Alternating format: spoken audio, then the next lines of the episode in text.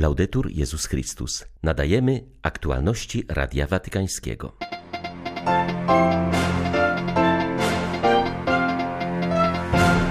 Do Turcji trafiła kolejna pula papieskiej pomocy dla ofiar trzęsienia ziemi. Przeznaczone na to zostały ofiary z niedzielnej mszy we wszystkich rzymskich kościołach. Wojna w Europie przyniosła wzrost przypadków łamania praw człowieka. Wynika z dorocznego raportu Amnesty International.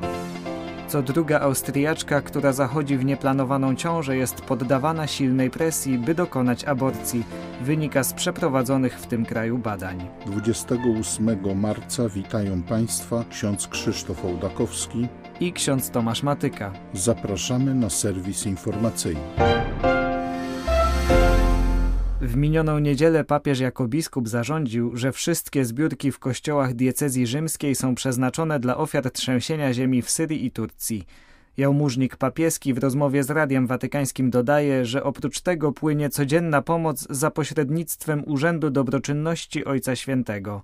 Jest ona możliwa dzięki wielu ludziom dobrej woli, którzy z racji swojej przemyślności potrafią to skutecznie zorganizować. Kardynał Konrad Krajewski zwraca uwagę, że przedwczoraj przyszła dostawa leków, które już zostały przewiezione na rzymskie lotnisko. Wczoraj zawieźliśmy ponad 10 tysięcy leków, które wczoraj już wieczorem i dzisiaj zostają wysyłane samolotami liniowymi, czyli nie jest to przewidziane poprzez specjalne samoloty cargo. Wysyłane są natychmiast do Istambułu, bo ludzie potrzebują dziś pomocy, nie jutro, ale dziś. I tak jak jest w Ewangelii, że zawsze istnieje dziś. Jezus dziś uzdrawia i Jezus dziś spotyka, nigdy nikogo nie odsyła. To wszystko można zorganizować dlatego, że jesteśmy zjednoczeni. Ambasada przy Stolicy Apostolskiej, że pracownicy na lotnisku Fiumicino, że piloci także pozwalają na to.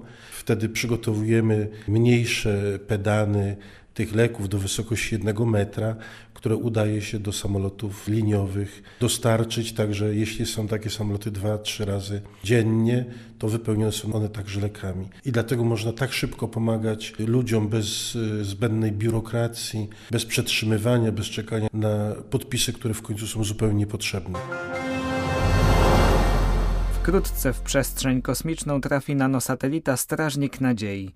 Niewielkie urządzenie zaniesie w bezmierny kosmos książkę, która wspomina modlitwę papieską na opustoszałym placu Świętego Piotra w czasie pandemii. Dzieło nosi tytuł Czemu się lękacie? Wciąż jeszcze nie wierzycie? Zostało napisane przez księdza Lucia Ruiza, sekretarza dykasterii do spraw komunikacji. Più di due anni che stiamo lavorando nell'iniziativa od ponad dwóch lat pracujemy nad tą inicjatywą. Chcemy otworzyć drzwi, zaczynając od tego, co papież Franciszek dał nam tego wieczoru, czyli od wiary i zaufania Jezusowi. Nanosatelita zostanie wystrzelony w kosmos z Kalifornii 10 czerwca. Wcześniej pobłogosławi go papież. Inicjatywa stała się możliwa dzięki współpracy między innymi z Politechniką Turyńską oraz Włoską Agencją Kosmiczną. Przewodniczący tej ostatniej, Giorgio Saccoccia, wskazuje, że spojrzenie na Ziemię z orbity może nas wiele nauczyć. Technika jest obecnie częścią codziennego życia, każdej chwili w ciągu dnia. Dlaczego więc nie miałaby być również wykorzystywana w służbie wiary, tego co w nas najbardziej duchowe? W sektorze kosmicznym jesteśmy przyzwyczajeni do tego, że nie widzimy żadnych granic. Gdy patrzymy na Ziemię z jej orbity, granice tworzymy my, istoty ludzkie. Tworzymy je i chronimy je słusznie, ale bronimy ich czasami w sposób szalony. Kto wie, może spojrzenie z perspektywy nieba pomaga zrozumieć, że Ziemia jest wyjątkowa i należy do wszystkich. W roku 2022 wybuchły nowe konflikty, a przedłużające się wojny były kontynuowane. Tymi słowami rozpoczyna się najnowszy raport Amnesty International na temat stanu przestrzegania praw człowieka na świecie. Autorzy we wstępie podkreślili również, że odpowiedzi społeczności międzynarodowej na łamanie praw człowieka były niekonsekwentne. Jednak, jak podkreśla Riccardo Nuri, rzecznik Amnesty Italia, największym ciosem w roku poprzednim był wybuch wojny na Ukrainie. Rok 2022 przyniósł niestety powrót wojny do Europy. W jej trakcie doszło do bardzo wielu zbrodni wojennych, w sprawie których obecnie toczą się śledztwa. Jeśli reakcja Zachodu na rosyjską agresję na Ukrainę była bardzo energiczna, to w innych przypadkach kryzysów roku poprzedniego, gdzie dochodziło do łamania praw człowieka, panowała niepokojąca cisza. Myślę o sytuacji w Birmie czy zbrodniach przeciwko ludzkości popełnianych przez Chiny wobec mniejszości etnicznych i religijnych.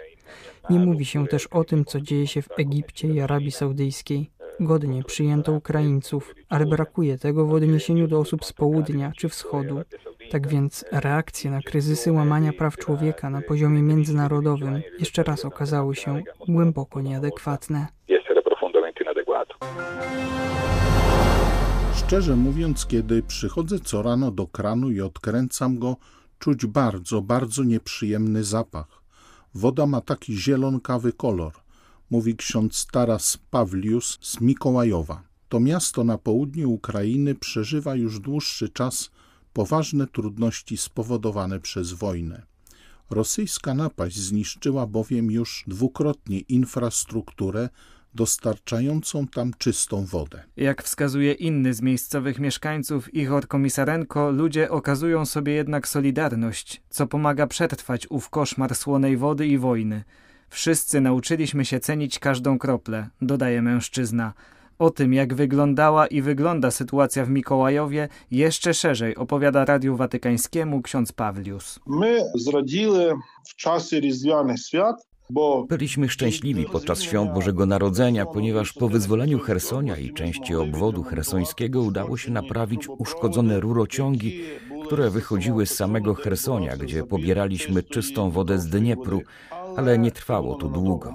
Co najwyżej mogliśmy czerpać radość z takiej przyjemności przez miesiąc czy półtora miesiąca, jednak Rosjanie nie pozwalają nam, byśmy mieli czystszą wodę, czyli dostęp do lepszych jej źródeł. Znowu zniszczyli stację w Chersoniu, skąd pobierano wodę, oraz rurociągi wychodzące na zewnątrz i Mikołajów jeszcze raz przestawił się na miejscową, słoną morską wodę. Woda ta jest dosłownie zużywana na potrzeby techniczne, spłuczki w toalecie, prysznic. To ryzykowne, ale ludzie to akceptują, w tym ja, bo nie mamy wyboru. Partnerzy zagraniczni, jak widzę po mieście, udzielili dużej pomocy. Wymieniamy wiele rur z metalowych na plastikowe, ale to nie zmienia sytuacji, bo nadal mamy tę samą wodę. Bo my mamy nadal tę samą wodę. Kirgistanie, w mieście Tałas, podczas mszy do kościoła wkroczyła milicja wraz z urzędnikami. Dwie siostry franciszkanki zostały oskarżone o nielegalną działalność religijną i nałożono na nie grzywne. Do wydarzenia doszło w niedzielę w kościele świętego Mikołaja. Najście służb państwowych zostało uzasadnione jako kontrola parafii. Nielegalną działalność religijną stanowiło między innymi to, że siostra Daniła Czyńczyłowa przeczytała podczas liturgii czytanie. Według miejscowego milicjanta na taki udział w mszy siostra powinna mieć specjalne pozwolenie dla zagranicznego misjonarza od Urzędu do Spraw Wyznań. Nie pomogło tłumaczenie proboszcza, ojca Aleksandra Kana, że czytanie może być odczytane przez każdego z parafian, a dla posługi kapłańskiej zarezerwowane jest głoszenie kazania i przewodniczenie liturgii. Milicjant wymierzył siostrom franciszkankom karę w postaci grzywny o wartości 90 dolarów. Mówi brat Damian Wojciechowski, dyrektor kurii administratury apostolskiej Kirgistanu. Siostra Daniła i siostra Ewa na co dzień są pracownikami Caritas. Parafia w Tałasie została założona w 2005 roku i liczy kilkadziesiąt osób. Tymczasem w miejscowych mediach już ukazała się informacja, że w Tałasie obcokrajowcy głosili nielegalnie katolicką ideologię. Moim zdaniem doszło do tego, ponieważ miejscowi urzędnicy bardzo słabo znają kirgiskie prawo, a jeszcze mniej zwyczaje różnych organizacji religijnych, a z drugiej strony milicjanci małym kosztem chcą się wykazać sukcesami w walce z religijnym ekstremizmem. Kościół katolicki jest mało znany, więc łatwo wziąć go za cel ataku. Co druga Austriaczka, która zachodzi w nieplanowaną ciążę, jest poddawana silnej albo bardzo silnej presji, by dokonać aborcji, wynika z przeprowadzonych w tym kraju badań. 77% społeczeństwa oczekuje większej pomocy dla kobiet, które znalazły się w takiej sytuacji, aby mogły zdecydować się na urodzenie dziecka. Udzielenie skutecznej pomocy w przypadku niechcianej ciąży jest dziś tymczasem dość trudne, jak zauważa przewodnicząca Austriackiego Towarzystwa Pediatrycznego. Państwo nie dysponuje w tej sprawie wiarygodnymi danymi. Wokół tego tematu panuje ogromna dezinformacja. Przy szacowanej liczbie 30 tysięcy aborcji rocznie nie możemy sobie pozwolić na odwracanie wzroku, mówi Daniela Karal. Jej zdaniem pilnie potrzebne są statystyki i badania nad motywami aborcji w Austrii, aby można było zapewnić ukierunkowaną pomoc. Statystyczne badania na temat aborcji przeprowadził Instytut IMAS. Wynika z nich m.in., że tylko 20% społeczeństwa interesuje się problemem aborcji.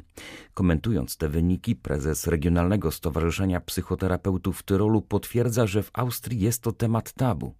Żadna ciąża nie jest wolna od lęków i wątpliwości, mówi Ines Kstrain, ale też nie ma kobiety, w której aborcja nie pozostawiłaby jakiegoś śladu. Jej zdaniem za mało zwraca się uwagę na presję, której poddawana jest tej sytuacji kobieta. Na ten sam problem zwraca też uwagę Marguerite Heisder, odpowiedzialna za duszpasterstwo rodzin w diecezji Innsbruck. Jej zdaniem modne dziś hasło decyzja należy wyłącznie do ciebie oznacza w istocie, że kobietę pozostawia się samą sobie i wszyscy uchylają się od pomocy. Na inny problem austriackiej praktyki aborcyjnej wskazuje przewodnicząca Krajowego Stowarzyszenia Niepełnosprawnych Roll On. To nieludzkie mówi, że płód może być abortowany aż do narodzin, jeśli istnieje podejrzenie o niepełnosprawność. To straszna dyskryminacja. Nikt nie ma prawa do takiej wyceny życia niepełnosprawnych, mówi Petra Ploner.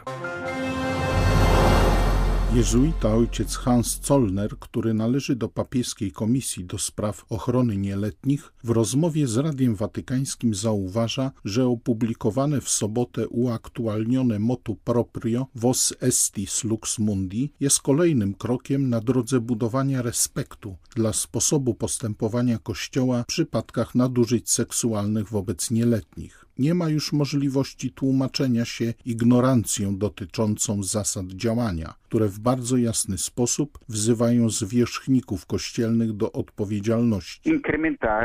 Chodzi o rozwijanie szacunku dla prawa oraz respektu dla podjętych ustaleń oraz procedur, które są przewidziane w prawie kanonicznym. Dokument potwierdza dotychczas obowiązujące przepisy i rozciąga je na czas nieograniczony.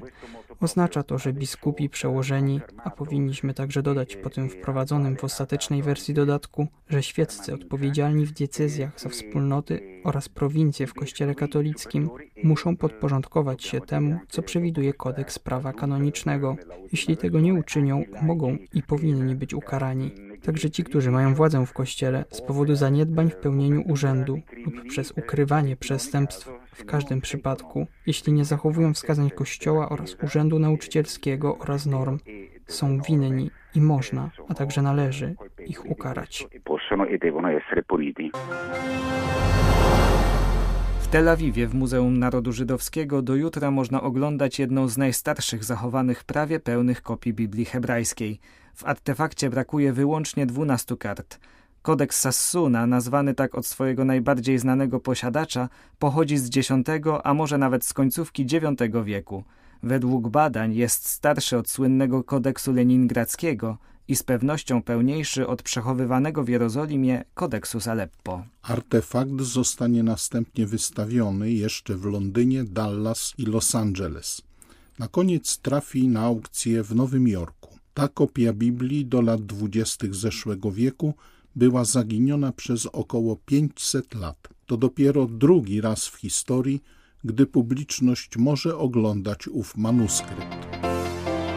Były to aktualności Radia Watykańskiego. Laudetur Jezus Chrystus.